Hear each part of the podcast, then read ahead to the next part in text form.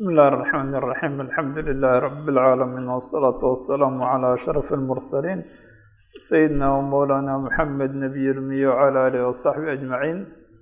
اللهم انفعنا بما علمتنا وعلمنا ما ينفعنا وزدنا علما ينفعنا ولا تجعل فيما علمتنا وبالا علينا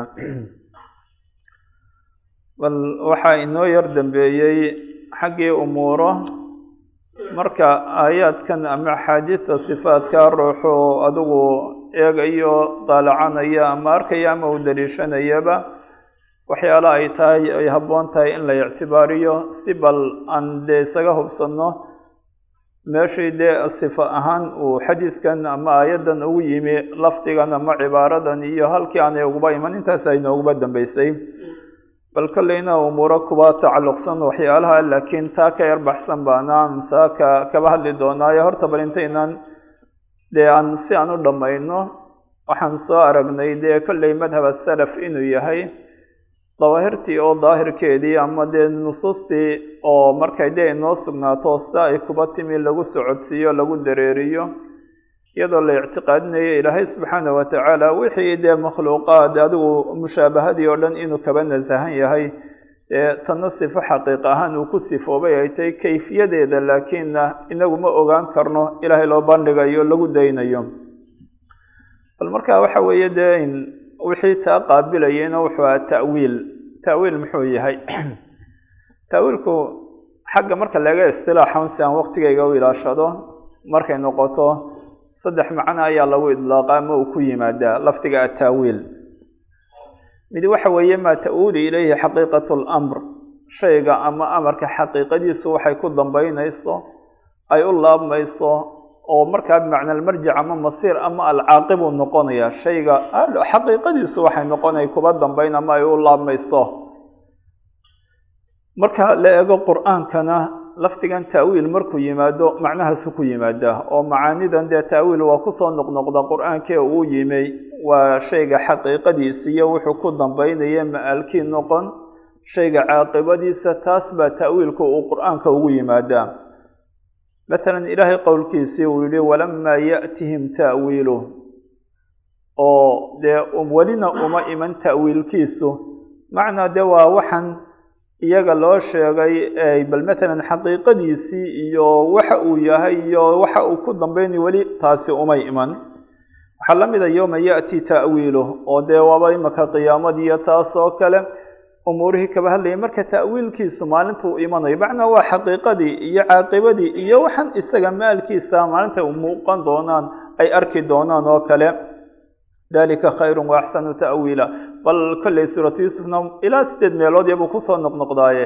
Ta'wiilku qur'aanka macnuhu u yimaadaa waa dee bimacna alcaaqiba ama bimacna almarjic walmasiir ama maa ta-uulu ilayhi xaqiiqatu lamri amarkan xaqiiqadiisu waxay noqonayso ayuu uba yimaadaa taasi waa macne. Waxaa kaloo ta'wiilka lagu idlaaqaa atafsiirun oo wuxuu la muraadif noqonaya la macno noqonayaa tafsiir iyo waxaan fasiritaankii san lagu fasiray ama daahirkiisi ha waafaqsanaato ama ha khilaafsanaato ha kaba dunaato. Oo bal matalan ibnu jariir oo kale tafsiirkiisan dee tafaasiirtii salafka ama kuwoodii uguba mudnaa ah ayaa waxaa cibaaradiisa ku soo noqnoqota ay tahayba alqowlu fi ta'wiili qowlihi tacaala macnaa waa ilaahay subxaana aayad buu soo dhiganaya markaasuu odhanaya bal kalaamkii hadalkii lagaba hadlayay fi ta'wiili qowlihi tacaala ilaahay qowlkiisan ta'wiilkiisa. Ta'wiilku maaha macnihiisi oo laga kaxeeyo maaha macnuhu waa tafsiirkiisii. Oo kelimad dee aayaddan uu soo dhigtay ayaa wuxuu ka cabiraya alqowlu fi ta'wiili qowlihi tacaala dee kada wa saasuu noqonayaa macnaa waa tafsiir ama daahirkan dee ha waafaqa ama yaanu waafaqin oo wuxuu la mid yahay la muraadif noqonaya ama ku dhowaanaya tafsiirun. Ibnu taymiya wuxuu yidhahaana raximah llahu tacaala whada huwa ta'wiilu fi isilaaxi jumhuuri lmufasiriina wagayrihim marka la eego jumhuur lmufasiriin iyo keyrkoodba isilaaxooda markay ata'wiil isticmaalayaan atafsiir baa macnaheedu yahay. Waxaan fasiritaankiisa iyo wixii macnihiisa ama tafsiirkiisu ahaa. Taasna waa macne macnaha saddexaad ee halkan istilaaxaan lagu idlaaqa waxa weeye sarfu lafdi can daahirihi lmutabaadiri minhu ilaa muxtamilin marjuuxin lidaliilin waana dee fuqahadii usuuliyiintii markay ta'wiil odhanayaan waxa iyagu ay ujeedaano waa lafdigii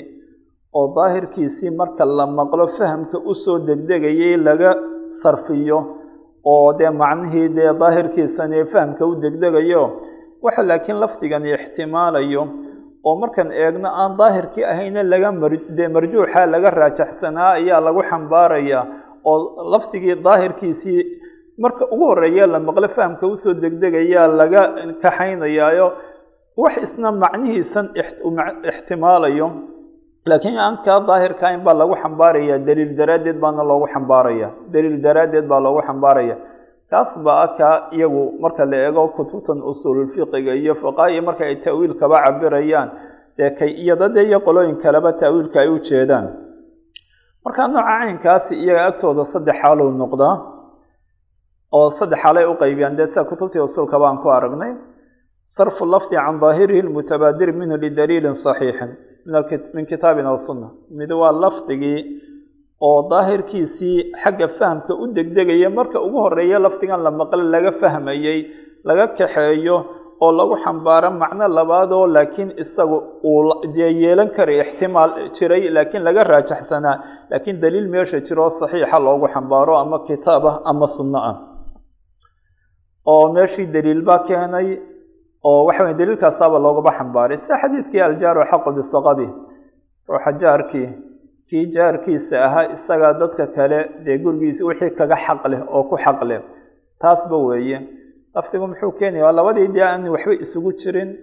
Jaarka ahaa bal haddaan baab shufca noqoto shufca ay noqoto iyo beec ay noqoto inuu ruuxan jaarkiisee ku dhegsani dee hadduu isagu gurigiisii iibinayo dadkii kagala kala xaq leeye waxaana jirta xagga sharciga wax shufco lagu magacaabo. Asalkeedu waa dadka haddii de imika meel baded ay wada leeyihiin laba ruux baaba guri wada lahaa aan u kala soocnayn. Mid baa intiisii iibiyey isagoon kii kale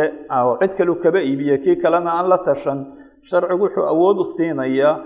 iyadoona midna aan la eegin kii iibiyey ka iibsaday midna ikhtiyaarkiisa la eegin kolla dee waxaani kaba dhexaysay inuu wuxuu ku iibiyey celiyo ou qaato isagu la wareego. Haddaanu isagu iska dayn sharciga taa awood siinaya waayo ciddan cusub ee soo gelaysa waxa kaga iman doona aan waruhayn waa markaa marka la wada leeyaho shufca la yidhaha dee baab dhan baaba kutubta xadiidka iyo kutubta fiqigaba kitaabulbic dhexdii loo dhigtaa. Waa tamalluk milki wax la milkayo qahriya labada dhinac ikhtiyaar uma le laakiin isagu waa dayn karaa oo kan dambu iska raali noqon karaa. Hadduu doono waa qaadan karaa laakiin waa inuu degdega xaqa uu leeyahy oonu dee ka jeedsan taasi waa dadkii wada laha laakiin laftiga xadiidkii marka muxuu keenaya aljaaru xaqu bisaqabi in xataa dadkii jaarka ahaana xaqan ay yeelanayaan. Waa daahirkiisii. Laakiin maxay culimadu ku xambaareen? Waa dadkii wax wada lahaa un iyadoo lafdigii jaar jiro. Maxaa loogu xambaaray? Ee axaadiistii kale keenaysay in wixii la wadaagsanaya shufcadaasi kaba imanaysa faidaa surifat duruqu markaa duruqdii iyo marka la cadeeyo faidaa waqacat ilxuduudu wasirifat duruq falaa shufca marka dee laakiin xuduuddii la kala yeeshe mid kasta albaabkiisii libuu leeyahy intiisi waa u go-an tahayba waa duruqdiina waa la cadeeyey markaa shufca inaanay imanin axaadiistaas bay tan ku fasireenoo daahirkii lafdigani keenayay ka kaxeeyeen oo kan bay ku xambaareen waana daliil baa keenay marka noocaas oo kale waxay ku magacaabeen ta'wiil saxiixa ama ta'wiil qariiba ayaa taa la yidhahaa dee waana kol haddii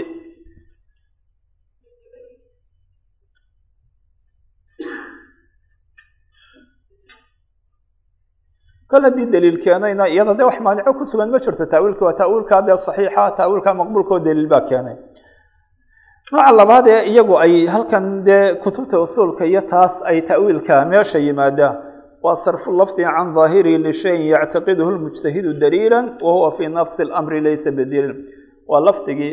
ayaa daahirkiisii mutabaadirka ahaa macnuhu keenaya laga kaxaynaya macno kale lagu xambaaraya. Wuxuu ruuxan mujtahidkii uu isagu is leeyahay ama u arkay inuu daliil yahay laakiin fii nafsi اlamri ama xaqiiq ahaan iyo waaqac ahaan aan daliil ahayn ayuu ugu xambaaraya. Markaasna waa midoo kaa iyada waxay ku magacaabaan waa ta'wiil baciid ay kol ay ka cabiraan kolna ta'wiil faasida la ydhaha ka saddexaad waa xamlu lafdi calaa gayri daahiri laa lidaliilin kani ninkan mujtahidkii de waxun baaba la yidhi maye looguma waraacin oo laguma waafiqin waxaanuu daliil ka dhigtay laakiin isagu wuxuu isu lahaa waa daliil buu ugu xambaaray uu macnihii daahirkaana uga kaxeeyey. Ee waa lafdigii oo daahirkiisan wixii ku sugnaaye macnihii daahirkiisa waxaan ahayn laguma xambaaray iyadoo wax daliiloo jiraa jirin. Marka kaas isagu ficlan ta'wiil maaha xagga istilaaxana kan wax dee laguma magacaabayo laakiin waxay kaba cabiraan kaasi waa ciyaar bay dhahaan oo dee lacib bay odhanayaan. Waa ciyaar un waayo maaha wax dee la raaca meesha taallaa ma jirto. Markaa kolleyna in marka la eego ta'wiilkii aayaadka iyo axaadiisan dee la awilayay ee macnahan ay keenayaan macno aan ahayn laguba xambaarayey dee waxaan lagu xambaaray bal habay yidhaaheen waa arrin dee daliil caqliya xujo caqliya laakiin dee daliil la raaco oo meeshii yaallaa ma jirto dee noocyada dambuu noqonaya. Qaacidada almacruufa cinda culamaai salafna waxa weeyaanuun markay halkan noqoto annahu laa yajuusu sarfu shayin min kitaabi illaahi walaa sunnati rasuuli can daahirihi lmutabaadiri min ila bidaliilin yajibu arujuucu ilayh inaanay banaanayn shay kitaabka ilaahay kaba mid ah ama sunnaa rasuulka kaba mid ah daahirkiisa marka la maqlo laga fahmayo in laga kaxeeyo macno kale lagu xambaaro ilaa bidaliilin yajibu rujuucu ilayh. Daliil dee cad daliil sugan oo ay waajib tahay in la qaato la raaco in la helo mooyaane wax kale oo bal maalan daahirkaa looga kaxeeya inaanay jirayno marka kol haddaan daliilkaasi jirin waa in daahirkii laguba sugnaadiyo wixii daahirku keenayeyba bal taasi waa iyaga hordhac iyaga marka la eego xagga baraarujin ta'wiil muxuu yahay iyo muxuu u yimaadaa iyo qur'aanka macnuhu ku leeyana waa ta aan soo sheegnay isilaaxa dee macaanidaas buuba yimaada kollay luqawiintii hore macaanidooduna macnaha ugu horreeya kamuu baxsanayn waayo iyagu marka dambe waxyaalahan dambe soo kordhay luqawiinta hore dee waxa weyan agtooda kumay sugnayn bal kaladan ta'wiilkii istilaaxaan ogaanay aan ognahayna sifaadkan iyo axaadiis aayaadba haba lahaatee ay kulansadeen in ta'wiil dee badan uu kuba yimi. Dawaa'iftuna iskumay mid ahayne qolooyinkan dee iyagu sifaadka sugayey taasumaan kaba hadlaynaa kuwan iyagu marka horeba waxyaale ankirayay anfiyeytaa iyada marka horeba waxi aan kaba hadlaynay si guud may ahaynbe ta'wiilka sifaatku goorma u horeysay ama goormuu muuqday waktigeebuu se batay muuqashadan uu muuqday ataawiil fii aayaati sifaati wa axaadiisiha waxay ahayduun bacda alcusuur bacda de alquruuni almufadala quruuntii uu rasuulku yihi khayrukum qarnii uma aladiina yaluunahum uma aladiina yaluunahum dabadood bay ahayd. Ama waqtigaas buu shaacay khaasatan dee mutakalimiintii iyo qolooyinkaas bi-adoodii iyo falasifadii iyo ayaa duhuurkan ama isagu uu kaba yimi waana intii dee khilaafkiiyo tafaruqa bayna almuslimiin iyo aaraada kala duwani ay timi. Bal waxaan leenahay ashaaciradii hore ee u horeeyey hore taawiilkana agtooda daahirkumuu ahayne waxay ahayd un tasliimkan baa iyagana arrintoodu ahayd. Dahabi baa wuxuu soo naqliyaa imaamka ama xaafidka adigu dee mashhuurka ee ruwaadan bukhaari ragga kitaabka soo dabdiyey itqaanka badan u lahaa kaba ah abudari alharawi dee riwaayo mashhuurana uu leeyahy xaafid xajar waa riwaayada u horreysiisto saddex sheekho gaarana uu kaba wariya kuwii farabri kaba wariyey ah ayaa tarjamadiisa ayaa wuxuu ku soo naqliyaa isagoo dee hadal dheero iyo umuuro baqilani ku tacalluqsan tarjamadiisa ay soo galeen. Waa siyarka abibakr albaqilani kolley qaadiga shahiirka ahaa ayaa qowli dee xag usuuli ahaan iyo mutakalim ahaan iyo fiq adigu bal ninkaas dee kolley nin aada umuuraha ugu horeeyu ahaa ayaa wuxuu soo naqliyaa qowlkiisa kitaab uu leeyo addabu can ilashcari waa dee markaa kutub dhowru wax ka soo naqliya mid kaba mid ah qad bayana diina alummati wa ahla sunna ana hadihi sifaat tumaru kama jaءat bigayri takyiifin walaa taxdiid. Waa hadalkii baqilani waxaan soo cadaynay oo dee kaga soo hadaluu leeyahy diintii ummadda iyo ahla sunna dee qowlku ah sifaatkan tumaru kama jaءat saa ay ku timuun in lagu daynayo iyadoon takyiif iyo taxdiid loo yeelin taswiir iyo tajniis aan loo yeelin saa lagu daynayo. Waa cibaaradiisii. Dahabi baa markaa tacliiqiya wuxuu yidhaahaa fahada almanhaju huwa dariiqatu salaf. Aayaadkii iyo taasoo sidii ay dee ku yimaadeen oon de waxa weeyaan amruha kama jaat say ahayd ta'wiil la'aan saa laguma daaya waa dariiqadii salafka. Deeto waxuu yidhaha wahuwa aladii awdaxu abulxasani wa asxaabuh abulxasan wuxuu uga jeeda abulxasan ashcari iyo asxaabtiisuna kolley dabaqada labaad buu ahaa baqilaanina waa kay caddeeyeenba wahuwa tasliimu linusuusi alkitaabi wasunna nusuusta kitaabka iyo sunnaha in sideedii loo qaato la aqbalo wa bihi qaala ibnu lbaqilaniyi wabnu furak ina baqilani iyo ibnu furakiyana waa say yidhaaheenba walkibaaru ilaa zamani abilmacaali uma zamani sheekh abi xamid fawaqaca ikhtilaafun alwan oo macnaa isagu wuxuu leeyahay oo wuxuu leeyahay dee raggii kibaarta ahaa ee kaba dambeeyey oo ibnu baqilan iyo ibnu furakiina dariiqaday mareen taas bay ahayd. Ilaa laga soo gaadhayey abulmacaali waqtigiisi waa imaam lxarameyn iyo abu xamid asheekh abu xamid waa khazali iyo waqtigoodii laga soo gaadhayo markaasuu yidhaha fawaqaca ikhtilaafun wa alwan nasalu llah alcafwa. Oo marka hadalkiisu wuxuu tilmaamayaa ta'wiil sifaat lam yakun shaayican cinda qudamaa ilashaacira sifaatkii oo la awilo qudamaa ilashaacira wax shaa'ic ku ama daahir ku amay ahayn ee waa wax mar dambe haddana dee kordhay oo batay oo xataa dee raggii qudamada hore inaanay lahayn. Bal taasna waa duhuurkii. Waxaa jirta maquulo aada u shaayaca oo had iyo goor marka laga hadlayo sifaadka iyo in dee sideedii laguba rumeeyo iyo in la awilo ama kutub lagu arko ama hadalla laguba maqlo maquuladaasi waxa weeye in la yidhaaho madhabu salafi aslam wa madhabu lkhalafi aclamu waaxkam marka umuurahan lagaba hadlayo sifaadkii lagaba hadlayo ama dee xambaar daahirkeedii iyo dee ijra'uha calaa daahiriha iyadoo maca tanziih ilbaari subxaana wa tacaala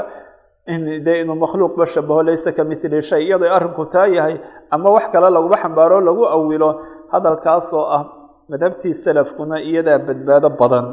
Oo xagga badbaadada iyo salaamada iyo waxaa madhabtii salafka u badan. Ama qolooyinkii khalafka madhabkoodu xagga cilmiga marka la eego iyo itqaanka iyo ixkaamka dee kan baa isagu ka badan oo ka ziyaadsan. Cibaarada waa cibaarade kolley inteena badan aan maqalay. Kutub hore dee qolooyinkaasna kutubtooda ama dee ragga mutakalimiintana kuba soo noqnoqota. Dee kutub kalena culimadu ama naqdi ahaan ama umuuro kale ay u soo qaataanba oo dee kutubta kolley dikrigeedu kuba yimaado xataa kutubta xadiidka fatxulbaari oo kale mujaladka saddexiyo tobnaad kolley hadal aan soo naqlin doona kuba sugan ibnu taymiya kutubtiisa way kuba soo noqnoqota walow mujaladka shanaad safxada koobaad ilaa ta koob iyo tobnaad waa bilowga mujaladka shanaad ee ka koob iyo tobnaad iyo kuwo kalena way kuba jirtaa laakiin waa meesha dee hadalkiisu uga badan yahi dee rag aada u kala duwan baa hadalkan adigu siyaalo kala duwan u soo marka uga hadleen bal waa qowl yimaada marka waxaan leenahay cibaaradani horta waa kalaam mutanaaqida waaba kalaam isagu isburinaya oo iskaba hor imanaya. Si isku burinaya waxa weeye jiha ahaan in halkay aclamyadu jirto cilmigu meeshuu jiraa badbaadadu jirtaa meel la leeyahy waa jahli iyo taas iyaga waxbaa jira. Dee khatartay leedo bal ka soo qaad cibaadaadkeennan ka soo qaad. Ruux haddee intuu aqoon u leeyahy cibaadadii la imanayo dee bal hadduu dee ilaashado ruux dee camal cilmigiisii ku dhaqmayo yahay cibaadada sideediibu ula imanaya waa hagaajinaya waa dhammaynaya. Laakiin ruuxii dee umuurahan ama jahli uu jiray waxa uu fasahadinaya ka badnaanaya wixii uu taas wixii xumaynaya. Marka in meesha aqoonta iyo cilmigu jiro ayaa dee in badbaadadeeduna ay jirtaa kan kale. Xataa ama qasad ahaan ha ugu dhaco ama qasad la'aan iyo garasho la'aan ha uba keyse jahligu dee jaanibkaasu ku jira. Marka hadalka qeybtiisa dambe iyo aclamniyo iyo qeybtiisa hore waa wax dee iskhilaafsan bo isburinaya taasi iyadu waa mid. Dhinac kale marka laga eegana quruntii mufadalada ahayd ee saxaabadii taabiciintii atbaacu taabiciintii dee kuwaas baa inay salafkii noqonayaan de meeshii gees kale dacni dee garasho la'aan iyo wax iyaga kaba qar adigu umuuro ayaaba dee ayaa meesha kaba dhalanayo kuba sugan. Xafnu xajar baa kolley anigaasi aan sheegay dee cid badan baa kaba hadashay hadalkiisa waxaan u soo dooray waa hadal aada u murakasa koobanna oo dee matalan kooban walow aan filayo. Dee hadalkan usushiisu waa kalaamka ibnu taymiyaba waa kuba sugan yahay. Isaguna xataa dee keyr halkan soo galay mu uu ibhaamiyey. Ayaa wuxuu idhaahaa waana mujaladka saddex tobnaad kolley waxyaalahan kaba soo naqlinay ibnu daqiiq alciid hadalkii aan shalay kaba soo naqlinay isagaba waa sidadii baan kaga soo naqlinayay. Dee marar horena waa tiyan meelo kala duwan waayo mujaladkaasi oo kitaabu tawxiid sharxiisa dee ayaa in badan qeybtiisu ay tahay kitaabku ku khatimo bukhaari kitaabkiisa kitaabu tawxiid. Qowlu man qaala dariiqat salafi aslam wa dariiqat lkhalafi axkam laysa bimustaqiimin. Cidda iyagu tidhi dariiqatu salaf baa dee badbaado badan. Dariiqatu khalafna waa xagga ixkaamka iyo itqaanka iyo cilmiga iyada u badan hadal toosan maaha. Maxaan u toosnayn dariiqata salafi mujarad liimaani bialfaadi alqur'aani walxadiidi min gayri fiqhin fi dalik ka sidaa yidhi wuxuu moodu u maleeyey dariiqadii salafku inay ahayduun alfaadanun alfaad ahaan in loo rumeeyo iyadoo fiqhi iyo fahm alfaaddii qur'aanka iyo tii xadiidka la fahamsan yahay aanu jirin xagga kalena waa ana dariiqata alkhalaf hiya istikhraaju macaani nusuusi lmasruufa can xaqaa'iqa dariiqada khalafkuna inay tahay macaanidii nusuustan dee xaqaa'iqdeeda laga sarfinayo macaanidii ay lahayd in lala soo baxo dee faham dheeri uu jiro istinbaad dheeri uu jiro macaanidii dee matalan almasruufa can xaqaa'iqiha nusuustii lagalaba soo baxayo bianwaaci lmajaazaat marka wuxuu yidhaha fajamaca hada alqaa'ilu waa hadalka kolley waana hayr buu ka soo naqlinaye waana hadalku hadalka u soo dhigtay. Fajamaca hada alqaa'ilu bayna aljahli biطariiqati salaf waddacwa fi dariiqati alkhalaf. Wuxuu markaa ka hadalkaa yidhi kulansaday garasho la'aan dariiqadii salaf waxayd aanu garanahayn. Iyo sheegasho dee waxaan jirin uu sheeganayo dariiqadii khalafka walaysa alamru kamaa danna arrinkuna sidaa uu mooday maahe bal isalafu fii gaayati almacrifati bima yaliiqu billahi tacala cidtaas uga aqoon badnayd cidba cidday kaba horeysay ma jirto xataa cilmi kastaba weeye. Waxyaalaha kale hadalkuun baa la badiyey ee cilmiga usuushiisi iyaga ayay agtooda ku sugnayd. Haddaba salafku macrifo gaayaheed bay kuba sugnaayeen. Wixii ilaahay subxaana wa tacaala u laa'iqa waa mid wa fii gaayati atacdiimi waalkhuduuci liamri weyneyn iyo khuduuc amarkiisa loo khuduucana heerka ugu sarreeyay kaba gaadheen iyo watasliimi limuraadih iyo aqbal iyo u hoggaansan wixii ilaahay subxaana wa tacaala muraadkii ahaa muraadkii rasuulka ay saa ku aqbalaan ay kuba qaataan. Markaasaa wuxuu yidhah waa hadal walaysa man salaka dariiqa alkhalafi waasiqan biana aladii yata'awaluhu huwa ruuxa dariiqa alkhalaf maray ina kuma kalsoona inuu waxan uu kolba ku xambaaraya naskii uu ku awilaya wixii loo jeeday uu yahay iyaguba watay u leeyihiin aslamnimadu waxay leeyihiin halkan waxaa dhici karta inaanu muraadkuba kii noqon oo waxaan lagu xambaaray ee lagu awilay. Kii loo jeeday ba aanu noqon halkaa khadari kaba timaada ujeedadu ahayd. Aslamnimada tay u leeyihiinba oo xaggaasi badbaadadii baa ku sugan. Laakiin halkana cilmi ziyaadaa jira. Haddaba kan dariiqan maray kuma kalsoona waxaan uu isagu awilayo ku xambaaraya inuu wixii loo jeeda yahay. Walaa yumkinuhu lqaطcu bisixati taawiil ina uma suurtogelayso inuu jasmiyo uu yidhaaho wixii loo jeeda kan weeye. Tal haddaan soo qaato hadalkiisi aan ka soo naqlinaya waa dhammaaday tal haddaan soo qaato bal ka soo qaad umuurahan sifaadka ay kuba yimaadeen. Haddaan xadiis axaadiista ka mid o daan yaad ishaarno xadiidkii uu ku yimi ilaahay qowlkiisa tafsiirkii jahanama inay odhanayso yowma min naqulu lijahanama hal imtala'ti fataqul hal min maziid oo dee wax laysoo biirinaya ma jirto ayaa waxaa ku yimi xadiid saxiixeyn ku sugan dee kolba waxay dee jahanama tidhaa hal min maziidba ilahay baa subxaana wa tacaala qadamkiisa duldhigayo markaasaa barhkeedba barhka kale u laamaya ee odhanaysaa qad qad madhabkii self muxuu ahaa dee in saas lagu rumeeyo aan ta'wiilkiisii loo banbixin iyadoo la ictiqaadinayo dee marka horeba waa sii jirtay ilaahay subxaana wa tacaala dee inuu laysa ka milihi shay haddana in dee bal matalan sidaa lagu rumeeyo xaqiiqadanna iyo kayfiyadiisana ilaah laguma daayo. Ama bal markaa waa jaanibkan kale waana dee taas jaanibkii kale maxaa yimi? Dee maxaa la yidhi barhkood waa qadamkii maxay yidhahen waa alfarad saabiq barhkood qadamkii maxay yidhaaheen ba waaba in waxa weeyaan makhluuq magaciisa qadam la yidhaaho oo taas oo kale. Barhkood qadamkii maxay yidhaaheen adigu dee ilaa lix qowl toddoba qowl oo waqiila kada yaxtamilu kada. Waxa meeshii dee san oo kaleo la goyn karo ma jirto xataa marka horena way isku raacsanyihin isku waafaqsanyihin ataawiil almucayan xataa waaba lix taawiil iyo toddoba sideed taawiila hadduu mid keligi jiro inaanu kaasi laazim ahayn bay isku wada raacsanyihin o iyaga qowlkoodaba ay tahay o dee markaa waa waxaan la hubin oo kolba laimaya sanuu noqon karaa sanuu noqon karaa tanuu noqon karaa tii kalena waa arrinkaa cad bal matalan markaa ruuxii dee dariiqan maray ina kuma kalsoona mana goyn karo waxay muraadkii waa arrinka dhibta lihina waxa weeye waa tan ay iyaguba leeyihiin aslno xaggaasay badbaadadu ku sugan tahay. Ilah baa sidan ujeeday ama rasuulkiisu sidan ujeeday taas baad leedahay. Oo jasmisa tiina dee yaa ku ogeysiiyey ba taas iyagii hadalkoodina kan buu ahaabee balmawad markaa ba waxaan leenahay kolley waa kalaam madkuula waxaana jirta imaamkan weyne ibnu rajab la yidhaha kitaab buu leeyahay. Dee masaladan kagama hadlayo laakiin waa risaalo dee madbuuc lana taxqiijiyo aada u qayima si guud buu kaba hadlayaa waa muqaarano salafkii iyo khalafkii. Waa cilmi kasta iyo umuurahoodii iyo gees kastaba ku muqaaranaynayo. Markaasa maxaa ciwaankeedu tahay? Fadlu cilmi salafi cala alkhalaf waana madbuuc fadlu cilmi salafi waa risaalo. Markaasoo fadlu cilmi salafi cala alkhalaf oo cilmigii salaf bal fadligii iyo ziyaadadii uu lahaa deetu yidhah dadka qaar baa waxay u qaateen ninkii hadalkiisa iyo jidaalkiisa iyo murankiisu batay oo kale iyo waxyaalo. Inuu dee kuwii hore iyo dadkii hore kaba aqoon badan yaho dee waana garasho la'aan iyo taasun bal waxaan leeya waa risaalo yar qayimo maaha masaladan. Laakiin si guud dee kuwa meelahana way soo gelayaan laakiin si guud ayuu bal fadlu cilmi salaf cala alkhalaf bal haddaba intaan taawiilka bal kaba bixin waana noqdo yaroo yar dheeraan doonta. Ayaa waxa ah taawiilkii kolley waa ta aan leenahay duhuurkiisu waa dambeeyey. Laakiin dee waxa weeyaan ma dhacday oo dee maynoo soo aroortuun kutubta ma ka helaynaa ta'wiil ka dhacay min asalaf libacdi nusuus. Taasi wax jira ma jiraan wax dee hadhow ama cid kale mutaka iyo waxay ictimaadsanta u noqon karta ruuxuna u ogaan karo maxmalkeedii dee bal si loogu baraarujiyo taasi ma jirta mise iyagii salafkii idaarkii guud kaas buu ahaa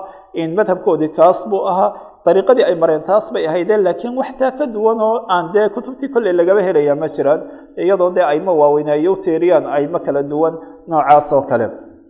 Bal markaa waxaan leenahay dariiqatu salaf horta kamaa sabaq waa iqraaru nusuusi sifaat walmanci min taawiiliha nusuusu sifaat sideedii in lagu sugo kol hadday sugan tahay oo dee waxyaalihii umuurihii aynu soo marnay la ilaaliyo layska daayo laga dheeraadina ta'wiilkeeda. Waxaana jirta barhkood laga soo naqliyey riwaayaad laga fahmi karo nooc taawiil inuu kaba dhacay oo dee u baahan ruuxu dee inuu iska ogaado bal maxaa jira iyo waxyaalo. Waatan dee markaan isku baraarujana kolley jaanibkana u dambeyn doonteen matala umuuraha waxaa kaba mid ah oo ruuxii rabaana uu heli karo sia dee idin dhow masarka dhow. Laakiin dee kuwo kala duwan ku sugantahay siyar calam nubala tarjamada imaam malik waa mujaladka sideedaad kolley waa qeybihiisa hore. Ibnu cadi baana sanadkiisii dee mutasilka ahaa ee imaam malik la xidhiidhsanaa kuba wariyey. Ayaa waxaa ibnu cadi bisanadi nin xabiib la idhaaho ibnu abi xabiib oo malik kaba warinayo kaatibkiisana ahabaa maxaa kuba sugnaa inuu imaam malik yidhi yatanazalu rabbuna tabaaraka watacaala ay amruh waa cibaaro kutubtaa kuba sugan faama huwa fadaa'imun laa yazuul macnaha nuzuulkani waa amarkiisii ama naxariistiisii ee isagu waa daa'im aan suulahaynba cibaaradaas bal way dhacday kutubtaan sheegayay dhacday dahabi baa wuxuu yidhaahaa markuu hataa soo qabtay laa acrifu saalixan wa xabiibun mashhuur waa ninka ninka imaam malik kaba warinaya ku sii xigoo saalix u kaama garanayo laakiin xabiibkan waa nin la yaqaano waana cibaaro kale yar gariib ah dahabi inuu intaasun ku daysto markaasaa wuxu dhaha walmaxfuudu can maliki riwaayat lwaliid ibni muslim anahu sa'alahu can axaadiidi sifaati faqaala amiruuha kama jaءat bilaa tafsiirin waana kolley hadal horon maalintii ugu horreysay soo naqliya wuxu laakiin imaam malik waxa la yaqaano ee laga xafdiyey waxa weeye waa weliid ibnu muslim riwaayadiisi isaga iyo qolooyin kaleba uu weydiiyey imaam malik markaa yidhi amiruuha kama jaءat bilaa tafsiirin saa ay ku timi un ku daaya tafsiir la'aan. Marka wuxuu leeyahay haddii bal arrinkani sugnaado buu leeyahay. Hadday tani sugnaato waxay meesha noqonaysaa imaam malik laba qowl inuu leeyahay. Wax intaa dhaafsan oo uu yidhi may jirin oo xabiib waa mashhuur mooye wax kale kamuu sheegin qolooyinka kitaabka taxqiijiyey waa shucayb arnaud iyo dabcadan dee aduu markaa ugu mudan dabcaadkiisii ama kitaabkaba dabcadaasi iyo bashaar cawaad iyo inna wax tacliiqata uma yeelan.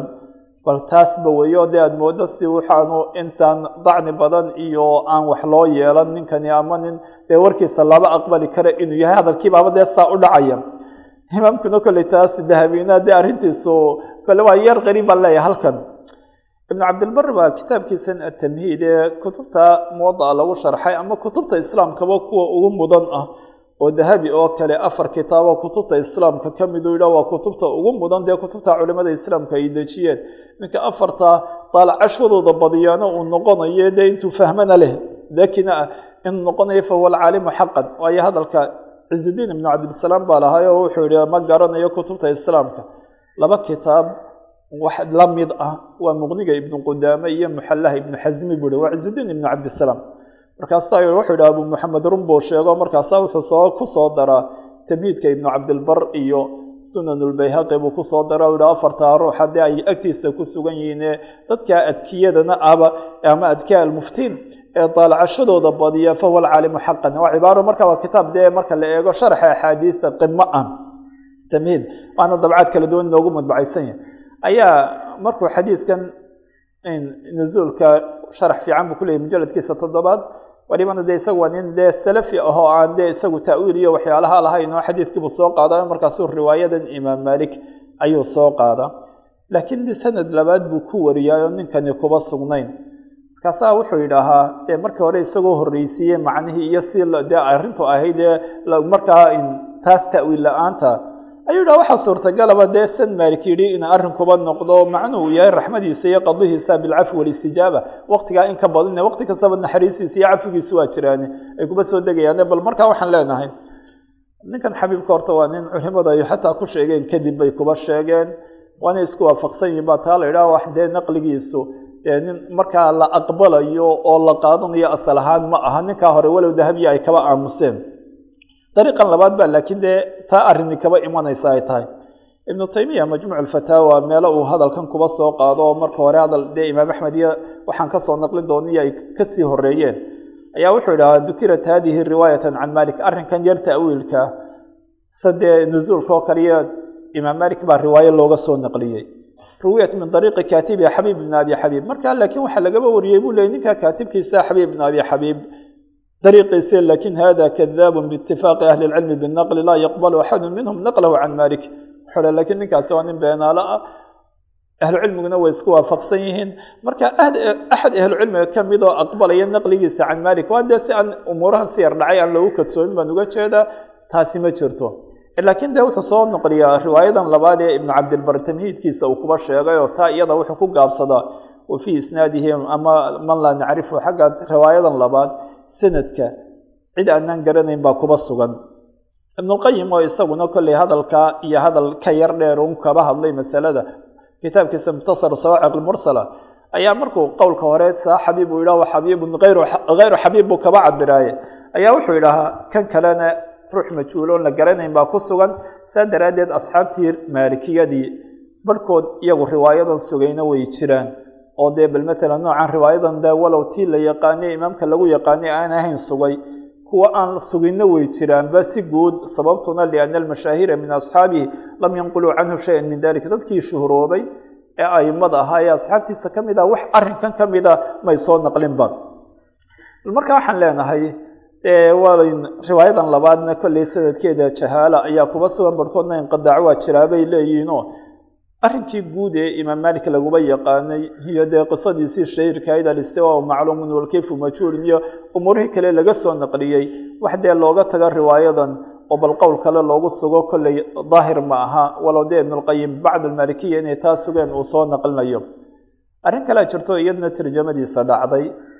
oo ah ibnu cadi baa sanadkiisa ku soo wariyay ibnulqasim ninkan la yidhaahaye dee madhabta mashhuurka kuwe in badan sanado badan buu la fadhiyeyba imaam malik haweenadiisoo uurle ayuu kaba yimi iyadu markuu masar kaba imanayo waa doorasiyen adeertiina way ahayd. Kolley maqnaashahaygaa dheeraanayo dee ma ku fasaxayo me saasaan ku ahaan aan kugu sugi un bay tidhi. Waxa weeye inan bay dhashay oo isagoo weli aan imaam malik ka iman ba inankii xajkii iyo dadkii imanayo soo raacayba oo ugu yimi majliskii imaam maliki isagoo dee dadkii markuu soo galay yihi ayukum ibnulqasim markii la yihi waa kan. Ayuu dee isagii ay isku dhegaanba ama ku dhego waana inankiisii oo dee dabadii dhashay. Markii dambena dee fiqigiisii la xambaar bal dee in badan oo maalikiyadii qaasimiye iskaba noqotay halka berigii dambena khaliiliyiin ay iska wada noqdeen bal markaa wuxuu yidhaahaa isagaa waxaa sanad ahaan lagaga soo naqliyey sa'altu malikan can man xadata bilxadiid marka waa baab kale waa wax ka duwane laakiin iyadna bal si aan isugu baraarujino inaanay tani inkaar ahayn sifadii oo la diiday aanay ahayn kol haddaanay soo gaadhin agtiina aanay kuba sugnaano isagii waxaa la weydiiyey bal cidda warisay ama warinaysa in allaha khalaqa aadama calaa suuratihi iyo in allaha yakshifu can saaqiyo bal waxaa axaadiisa cidda warinaysa iyo mid kaloo dee isaga waxaan u daayey waayo lafdigiisiin baynaan kutubta kuba hayn meeshaa kuba soo aroorteen. Ayaa la weydiiyo kaba waran oo waxa ku yimi faankara malikun dalika inkaaran shadiidan. Aad buu arrinkaa uba inkiray. In laguba waramo la sheeg sheego ayuu diiday oo u nahiye marka halkan iyada tan imaam dahabi ah wuxuu yidhaahaa arrinkan wuxuu diiday liannahu lam yatbut cindahu wala اtasala bih oo arrinkani may ahayn inkaar ahaan sif ahaan uu inkirayo nusuustaba sidaasu ku qaadan jiraye. Isagii baani dariiqiisa ku sugnaan. Bukhaariyo muslim baa axaadiisa wariyey. Iyaga agtooda way sugnaatay. Laakiin isagu macduur weeye maanta oo agtiisii baanay kuba sugnaanoo. Dee waa kanuu markii loo sheegay ayuu isagu saa kuba inkiray. Dee waana macduur buu ku yahay. Iyaguna hadday soo saareen dee macduuriin bay ku yihiin oo sanadkoodii baaba sugnaado bal markaa waxaan leenahay isagoo wuxuu ku khatimaa hadalka dee baabkeedu wuxuu noqonaa aliqraaru walimraaru watawfiidu macnaha ila llahi ilaa qaa'iliha ilaa qaa'iliha asadiq almasduuq ilaa qaa'iliha asadiq almasduuq bal marka waxaan leenahay haddii dee nin imaamo ay ka dhacdo xadiid dee khaasatan qur'aankii waa la wada hayaa laakiin axaadiistii baa cid ay soo gaadhiyo cid aanay soo gaadhin khaasatan raggaa hore ay jireen. Xadiidkuna dee waxa weeyaan marka hagaag uma wada urursanayno dee inba beledba waxbaa kuba sugnaa haddaba haddii ay soo uu dee inkiro xadiidka sugan oo sifaadkii ka mid oo isagii ama agtiisoonay ku sugnaan ama inaanu maqlin taas macnaheedu maaha inuu awilayo ama uu anfiyayo sifadii ama in la yidhah waa jahmiyo waa inkiray taas maaha waayo imaam malik watan bal dee barhkood maxmal kale kuba xambaaraano majaalistan caamkaa marka la joogo ama majaalista caamada umuurahaasi waa waxyaalihii dee dhici karta dadka qaarkoodna ay tashbiih ka fahmi karaan si kale ay ula kici karaan. Ayaanay ahayn majaalis caamaa taas dadkii lagumu sheeg sheego oo jaanibkaasna dee kolley markay cilmiga waxa la qarinaya waxaan la qarinaya umuuraha kaba hadlayaan kolkol imaam malik jaanibkaasna way ugu xambaaraan. Bal waxaan leeyahay taasi waa xaalo kale. Xaalo markaa arrin labaad ibnu kasiir baa wuxuu soo naqliyaa tarjamada imaam axmed ee albidaaya ayaa waxaa cibaaradiisaan soo naqlinaya warawa lbayhaqiyu can ilxaakimi can abi camrin الsamaaki can xambalin ana axmed bna xambalin ta'awala qowl اllahi tacaala wajaءa rabuka ay anahu jaءa hawaabu waa sanad sanadkiina waa sanad la garanayo bayhaqi baa wariyo xaakim oo sheekhiisuu ka wariyay isaguna abi camrin asamaak xambal oo asxaabtii imaam axmed ah ayaa deeta markaa maxaa meesha dhacday inuu axmed ibnu xambal awilay qowlkii ilaahay wajaءa rabuk oo uu yihi jaءa hawaabuhu bayhaqi baa wuxuu raaciyaa wahada isnaad laa gubaara caleyh isnaad ahaan marka la eega isnaad boor dul yaallo ma aha. Waa macnaa isnaad dee la garanayo dee bal masalan qowl la xujaysan karo la aqbali karo.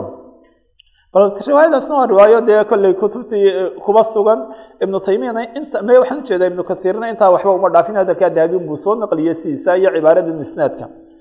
waxaa jirta in kolley ibnu taymiya inuu dee majmuuc fataawa meela kagaba hadlo mujaladkaa shanaad iyana kolley hadalkeedu waa yar dheereeya. Halkan aan dee imaam malik ba hadalkiisa kaba soo naqlinayay. Riwaayadan markii uu soo naqliyey uu soo naqliyaa ayaa wuxuu yidhaahaa qolooyinkii asxaabtii axmed ama xanaabiladu xagga tawjiiheeda way iskuba khilaafeen oo barhkood waxay xukumeen ama ay ku tiriyeen ninkan xambal la yidhah ay leeyihiin qaladaad buu leeyahay oo markii mixnadii baanay munaadaraadkiisiibuu hadalkan ku soo dhex daru ku soo naqliyey. Qolooyin kalena kamay soo naqlinaya barhkood isagay ka dhigaan qalad ka dhacay ay tahay xambal oo waa dee barhkood oo waxay leeyihiin qaladaad macruuf u leeyahy dee barhkood bay dariiqadoodu taa ahayd. Kuwa qaarkood ilzaam baabkeed qoladan uu la doodayey buu taa u yidhi bay dhahaan laakiin qolooyin baa waxay dhahaan xanaabiladii kaba mid a waa su ibnu taymiya qowlkiisi ama shaikhulislaam ina hadihi riwaayat can axmeda wajacaluu dalika cumdatahum fi taawiil barhkoodna waxay yidhaheen me waa riwaaye axmed xanaabiladii waxaanay kaba dhigeen markay waxawilayaan waxay ictimaadsanayeen waxaa raggaa kaba mida ibnu caqiil oo aimadooda kaba mido laakiin kolley arrintiisu kol waxa weliyo koan kale imaamka macruufka ibnuljawsi oo isaguna kol dee waa arrinku ku sugnaada kolla ta'wiilaad kala duwan buu leeyahayba oo isaguna dariiqadiisu dee kolley yar aad moodo kolba si ah iyo qolooyin kale taasay kaba dhigeen barhkood ha kuba khaas yeeleen markay waja'a rabukiya umuurahaasi yimaadaanba markaasaa wuxuu idhaha hadalkiisaan wadanaya walaa rayba ana almanquula almutawaatira can axmed yunaaqidu hadihi ariwaaya shaki kuma jiro waa ibnu taymiya hadalkiisii. Waxyaalihii ka tawaaturay imaam axmed ee laga soo naqliyey inuu hadalkan ka hor imanayo. Sababtuna xataa axaadiis markay dee iska keen tacaarudo ay isugu keen timaade oo tan la tarjiixiyo ee kuwii de bal sidayd u kala xoog badnaayeen loo kala horreysiiyo. Wuxuu leeyahy haddaba waxyaalihii ka tawaaturay ee jaanibkan inkaarki iyo xataa dadka inuu ku inkari jiray umuurahan ee ka tawaaturay hadalkan waa ka hor imanayaaba. Waxaan u caddaynayaa anahu laa yaqulu ina araba yajiu wayaati wayanzilu amru bal huwa yunkiru calaa man yaqulu dalik waa wixii dee bal matalan imaam axmedkaasi ka tawaaturo bal riwaayadana waa riwaayo soo aroortay kutubtii way kuba sugan tahay waa taa kutub kala duwan baab aan ka soo naqliyay ibnu kathiir iyana sidaasun kuba daayeen behaqina hadalkiisii waan soo naqliyey laakiin qolooyinkan dee iyaga khaasatan xanaabiladu ayaa dee rogrogo kaba hadlay bal riwaayaadkan iyo maxaa ka sugan iyo maxaan ka jirin bal taas in dee barhkoodna way sugeen barhna may suganay lakiin hadalkiisiiba ahaa markuu kolley hadalkiisaa yar dheeraaye haddana deeta wuxuu ku dambeysiiyaa u ku soo gabagabeeyaa wasawaabu ana jamiica hadihi ta'wiilaati mubtadacatun waxaa qowlka sawaabkii uu yahay. Waxyaalaha ta'wiilaadka dee aimadaa lagaba soo naqlinaya wax dee aan dee iyaga kaba sugnayn inuu yahay ama mubtadaca. Lam yaqul axadu min asaxaabati shay-an minha. Horta saxaabadii axad ka mida oo wax ta'wiila ku dhawaaqay ama ku hadlay may jirin. Walaa axadu min ataabiciina lahum biixsaan axad taabiciintii iyaga ixsaan ku raacday oo iyaguna ta'wiilkaa la yimi ma jirin wahiya khilaafu lmacruufi lmutawaatiri can aimati suna walxadiid bal qolooyinkan dambe aynu ka soo naqlinayna wuxuu leeyahy si iyaga lagu yaqaanay ee ka tawaaturtay wax khilaafsan bay noqonaysaa sida axmed ibnu xambal iyo keyrkii oo aimadii sunna kaba mido bal waxaan leenahay waa riwaayaat fardiye ah oo bal matalan riwaayaadka fardigiina dee bal matalan marka loo eego wixii iyaga agtooda macruufka ku ah ee ka tawaaturay ee wax markalan tan qowl kale ama loogu sugi karo ama tan laga raajix yeeli kara maahay dee waxa weeyaan idaarkii guud iyo wixii iyaga ka tawaaturay baa adigu waxa la raacaya ay tahay arrin baa jirta saxiixa bukhaari dhacday waa tan jaanibkan ku dhamaynaya imaka oo bukhaari saxiixiisa mujaladkan dee haddii ciddii filxibaari u laamaysana waa mujaladka sideedaad. Haddii dee si kale guud kitaabkana mid kasta waa helaya waa kitaabu tafsirun suurat lqasas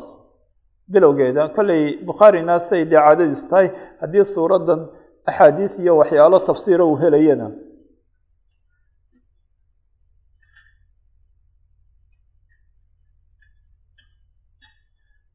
Waa soo arooriyaa. Asaaniidoodiio dee tafsiir aayaadkan u noqonaya. Kolleyna marka hore suuradda uu soo dhigta bilowyadeeda aathaar iyo luqa iyo waxyaalana waa ku soo arooriyaa kolkol suurada qaarkood dee waxa nas xadiis dee shardigiisa gaadhsan ama musnadaanu helahaymo intuu suuraddii dhigto iskaga kaaftoma waa kitaabu tafsiir oo kale ama luqa wax kamida iyo haddii dee tafsiira uu helayo iyo waxyaalahaas oo in badan dee faro iyo marka majaaz lqur'aan abu cubayde iyo kolley malaa in badan yaa dee uu kaba soo naqli dee adigu ay iswaafaqsan yihiin. Haddaba waxaan leeyahay suurat lqasas ba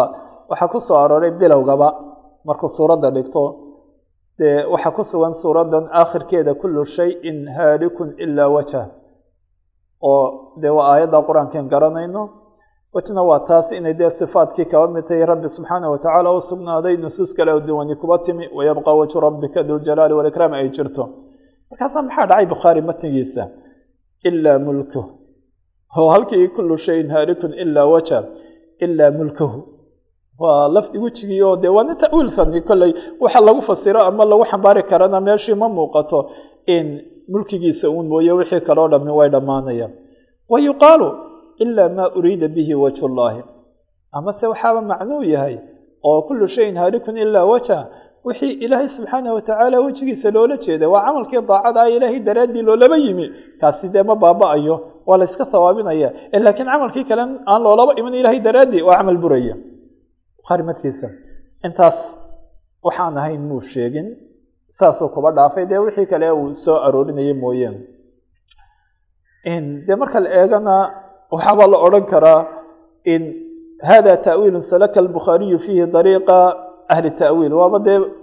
dariiq uu maray oo dariiqa ahli ta'wiil baa tani. Dee aayaddii waayo lafdiga aayaddu walow shalayta aan kaba soo waranay alwaj kolkol dee ibtiqaaa wajhi iyo waxa weeyaan umuurahaas yuriiduuna wajha iyo inay rabihiisa iyo daraaddii iyo ay kuwaasi ay tahay tafsiir. Laakiin halkan oo kale kullu shayin haalikun ilaa wajha weye wayabqa wajhu rabbika iyo iyagu dee macnahaas maa waaba dee macnihii sifa ahaaneed. Bal dee kitaabu tawxiid markuu ku soo arooriya umuurahan soomuu celin ba isagoo dee u dhigtay tarjamo dee sugitaankaasi. Bal markaa waa wax la odhan karo. Ibnu kathiir ba raximah llahu tacaala tafsiirkiisa dee waa u laabmay kartaane ayaa markuu aayaddan soo dhigto horta muxuu ku fasiray kullu shayin haalikun ilaa wajha ikhbaaru bianahu daa'imu lbaaqi alxayu alqayuum aladii tamuutu alkhalaa'iqu walaa yamuut. Waa waramid lagaba waramayo inuu ilaahay yahay ka daa'imka baaqiga alxayu alqayuum ee khalaa'iqdoo dham ay wada dhiman isagu si aan dhimanayne dee weligiiba daa'imkaa si ilaahay ba yidhi buuhi kullu man calayha fanin wayabqa wajhu rabbika duljalaali walikraam markaas wuxuu kaba cabira oo cibaaradu dhici karta qolooyin kale kaba dhacda facabara bilwajhi can daati halkan wejigii waxa lagaba cabiray daatadii oo macnuhu waxa weeye dee kullu shayin halikun ilaa wajha ilaa iyaahu waa cibaaradu kolleyna dee waxa weeyaan un wejkii waa dee liannahu yasad ama daati. Laakiin waa cibaaro dee qolooyin kaleba ay kana cabiraan buu ka cabiray maanta ibnu kathiir. Markaasaa taasi waa tafsiirkii caadiga ahaa markaasaa muxuu ku fasiray qowlkan? Waqaala mujaahidu wathawriyu fii qowlihi kullu shayin haalikun ilaa wajhahu ay ilaa maa uriida bihi wajhu. Markaasaa wuxuu yidhaha waxakaahu lbukhaariyu fii saxiixi kalmuqariri lahu. Bukhaarina taasuu soo naqliyey saxiixiisa si wuxuu sugayo waana hadal thawri iyo mujaahid iyo lagaba soo naqliyey. Laakiin waa nooc kaleu ku xambaaraayo wuxuu yidhaha wahada alqowlu laa yunaafi alqowl alawal hadalkan ah ilaa maa uriida bihi wajhu hadalkii hore ma anfeeye ama tafsiirkii hore macnuu waxa weeyaan uu noqonaya warramid lagaba warramayo. Acmaashu dhammaanteed inay mid baadila noqonayso wixii ilaahay daraaddii loolaba yimi uun mooye ee camalkii saalixa un mooyaan waafaqsanaana rasuulka ilaahay wuxuu laba yimi. Markaasaa wuxuu dhaha qowlka horena ee wuxuu keenayaa waxa weeye kulla dawaat inay dhammaanayso halaagsamayso isuulayso ilaahay daatadiisa mooye fa inahu alawalu walaakhiru aladii huwa qabla kuli shay wa bacda kuli shay kana camal kastaba inuu yahay mid buraya haddaan ilaahay daraaddii loolaba iman markaa dee ujeeddada waxay noqonaysaa bal kullu shayin halukun ilaa wajho macnaha hore hadduu leeyahay macno laga fahmi karaa jiro oo dee tafsiir ahaana maha ta'wiil ahaan tafsiir ahaanoo dee wixii aan ilaahay daraaddii loolaba imanna inuu waxa weeye isaguna wax baatila uu noqonayo. Nin baa jira mucaasir oo cabdullahi alghunaymaan la yidhaaho oo kitaabu tawxiid bukhaari intaasun sharxay waa kitaabka ugu dambeeyey. Isagoo dee bal matalan kolle alaa shuraaxdii jirtay intoodii badnayd kolkol manhajkii dee waxa weeye dariiqadii salafka waabay khilaafsan yihiin. Markaasa wuxuu isagu yidhaahaa dee markastan ibnu kathiir la eego arrinku ta'wiil ma aha waa wax adigu macaanidii aayadda laga qaadanayo una lagala soo baxayo wax ka mida oo la sheegay bay noqonaysaa bal haddii adigu aninkaasi aan sidaa kuba fasirno cibaaradan ahayn horreysay aga ah ilaa mulkow iyo taasi wax tawjiiha ma laha. Waxaan ku tawjiihinaa meeshii dee ma taalo dee mulkigiisii iyo halkan laiskuba fasiro. Kolley iyada taasi dee bal ha yidhaaho qolooyin ama luqawiyiin ay cibaaradoodii ahayde laakiin kolley waa arrin ama yar iman karo la odhan karo kani waa ta'wiil. Dee imaka tan haddii aan jawaabtan uba helo tan aan kuba xambaarana tan waxaan kuba jawaabinaa ma jirte. Bal calaa kulli xaal waxaan leenahay un waxyaalo nutaf ama dee midrharh waa la helayaa ruuxu de inuu ogaado ay tahay waxay ku xambaaran yihiin ogaadee. Laakiin xatii haddii waxyaalahaasi duruqdoodii waa taan leenahay barhkood ma sugnaa xataa ay sugnaadaan. Ee wixii guud ayimadii ka tawaaturay inoo sugnaa nusuusna ay kuba timi aqwaasheed iyo wixii aynu soo maray taas dee hadday tahay aclamiye hadday aslamiye tahayna ay kuba sugan tahay. Kolley arrinku waxa weeyaan waa in sifaadka sideedii laguba sugo. Waxa weeyaan la ictiqaadiyo dee daahirkeeda iyadoo xagga xaqiiqadeeda iyo kayfiyadeeda iyadoo cid ogaan kartaa ma jirto. Sidaan horeba u soo maray ilaahay lagu daynayo oo waana taas dee ruuxu uu kaga badbaadayo. Waxaan dee bal matalan aanu hubin aanu garanayn. Dan iyo ixtimaal iyo sidaa la iyo sidaa la in dee lagaba dhigo muraadkii ilaahay inuu yahay muraadkii rasuulkii ilaahay inuu yahay oo uu kuba dhaco arrinkaa markii dambe raggii badsaday badsaday badsaday cumrigoodii kuba dhamaystay ugu dambayd markay dee guntii soo taabteen waxay noqdeen xataa barhkood ay yidhaaheen may anugu walow wax meel kasta iyo bad kastaba aan dhex galay maanta waxaan kuba dhimanaya calaa diin alcajaa'is. Oo ujeedadu cajaa'isna fitradaa dadkaa kuba sugan ee ilaahay sidaa kuba rumeeye waxaan umuurahan ay de mutakalimiin la yimaadeen baa ka badbaaday xaaladoodii oo kale. Ayaaban dee ictiqaadsanaya dee waana ta aan sooba naqlinay si ay uba soo laabmeen bal kolley waxaan tan ugaba jeeday ruuxii dee itilaac fiican le waayo dadka waxama daalacano bal dee kutubtii inoo dhoweyn baaba dee waxyaalo ruuxa kolkol ku joogsan karo ama si kale loogu fasir karaa ay kuba iman kartaa waa sidii bal taasna aan isuguba baraarujino kolleyna intii aan halkaa saaka odhanayay waaban idhi waxaa jirta de kolley hadalkuna waa alxamdulilah dhib ma laha. Anigu wixii i diyaarsanaa dee intani may ahayn oo kolkol baan ilaa labadiiba ku soo jeeda waayo waxa dhib ah casharkaad saaka gelaysa haddaad caawa qorayso od caawa de haddaad sii diyaarisa waa sax. Laakiin casharkii weliba markan kii kale ka baxay haddaad ufadhiisatood waxaad imika dee kutubtii aad u wada laamaysood umuurihii habaysanayso kolkol baa dhici karta inay labadii ila gaadho. Hade idinku laakiin waaba taa waa dhib idinkaba gaadha haddaad dee kaba faa'iidaan waxaa jirta qeyb muhiima oo qeybtii ugu dambeysa inoo harsan. Kolleyna waana isku xidhnaanayaan ruuxii intii hore dhegeystay kolley tan kale si ugu xidhana asal ahaan kama maarmayo inuu ogaado. Waa arrin camali ahaan imika ina khuseynaya mowqif ahaan ina khuseynaya dadkii culimada haya taas oo kale o de isaguna kolley noqon doono taa laakiin berito ma haleeli doono haddii a la idhaaho waayo waxa laga yaabaa hawl kalea jirta. Kolley nadwa ama muntada qolan diiwaan zakaadka leeyihiin baa lagu yeedhay iyo khamiis iyo sabtida bal markaa maalinta axaddan inta kale dhammayn doonaayo de laakiin waxaan leeyahay ciddii markii hore xaadirtay inihii hore soo dhegaysatay. Intani waxay u tahay waa qeyb aada iyo aada u muhiim oo daruuri bay u tahay. Waa imaka camali muxuu samayn karaa? Mowqifkiisu muxuu noqon karaa culimadii taas? Mowqifkiisu kutubtii waxyaalahaasi kuba sugnaayeen muxuu noqon karaa? Waa umuuro markaan eegayna tan eegaynaana maaha. Waxaan eegaynaa bal dadkii alaima almuqtadaa bihim wixii mowqifkooda ahaa. Jaanibkaasay dadkaas say ugula tacaamulayeen ee haddana manhajkooduna kan kale uu ahaa ee dee toosan. Bal markaa taasay noqon doontaa waa axadda insha allahu tacala wallah subxana wa tacala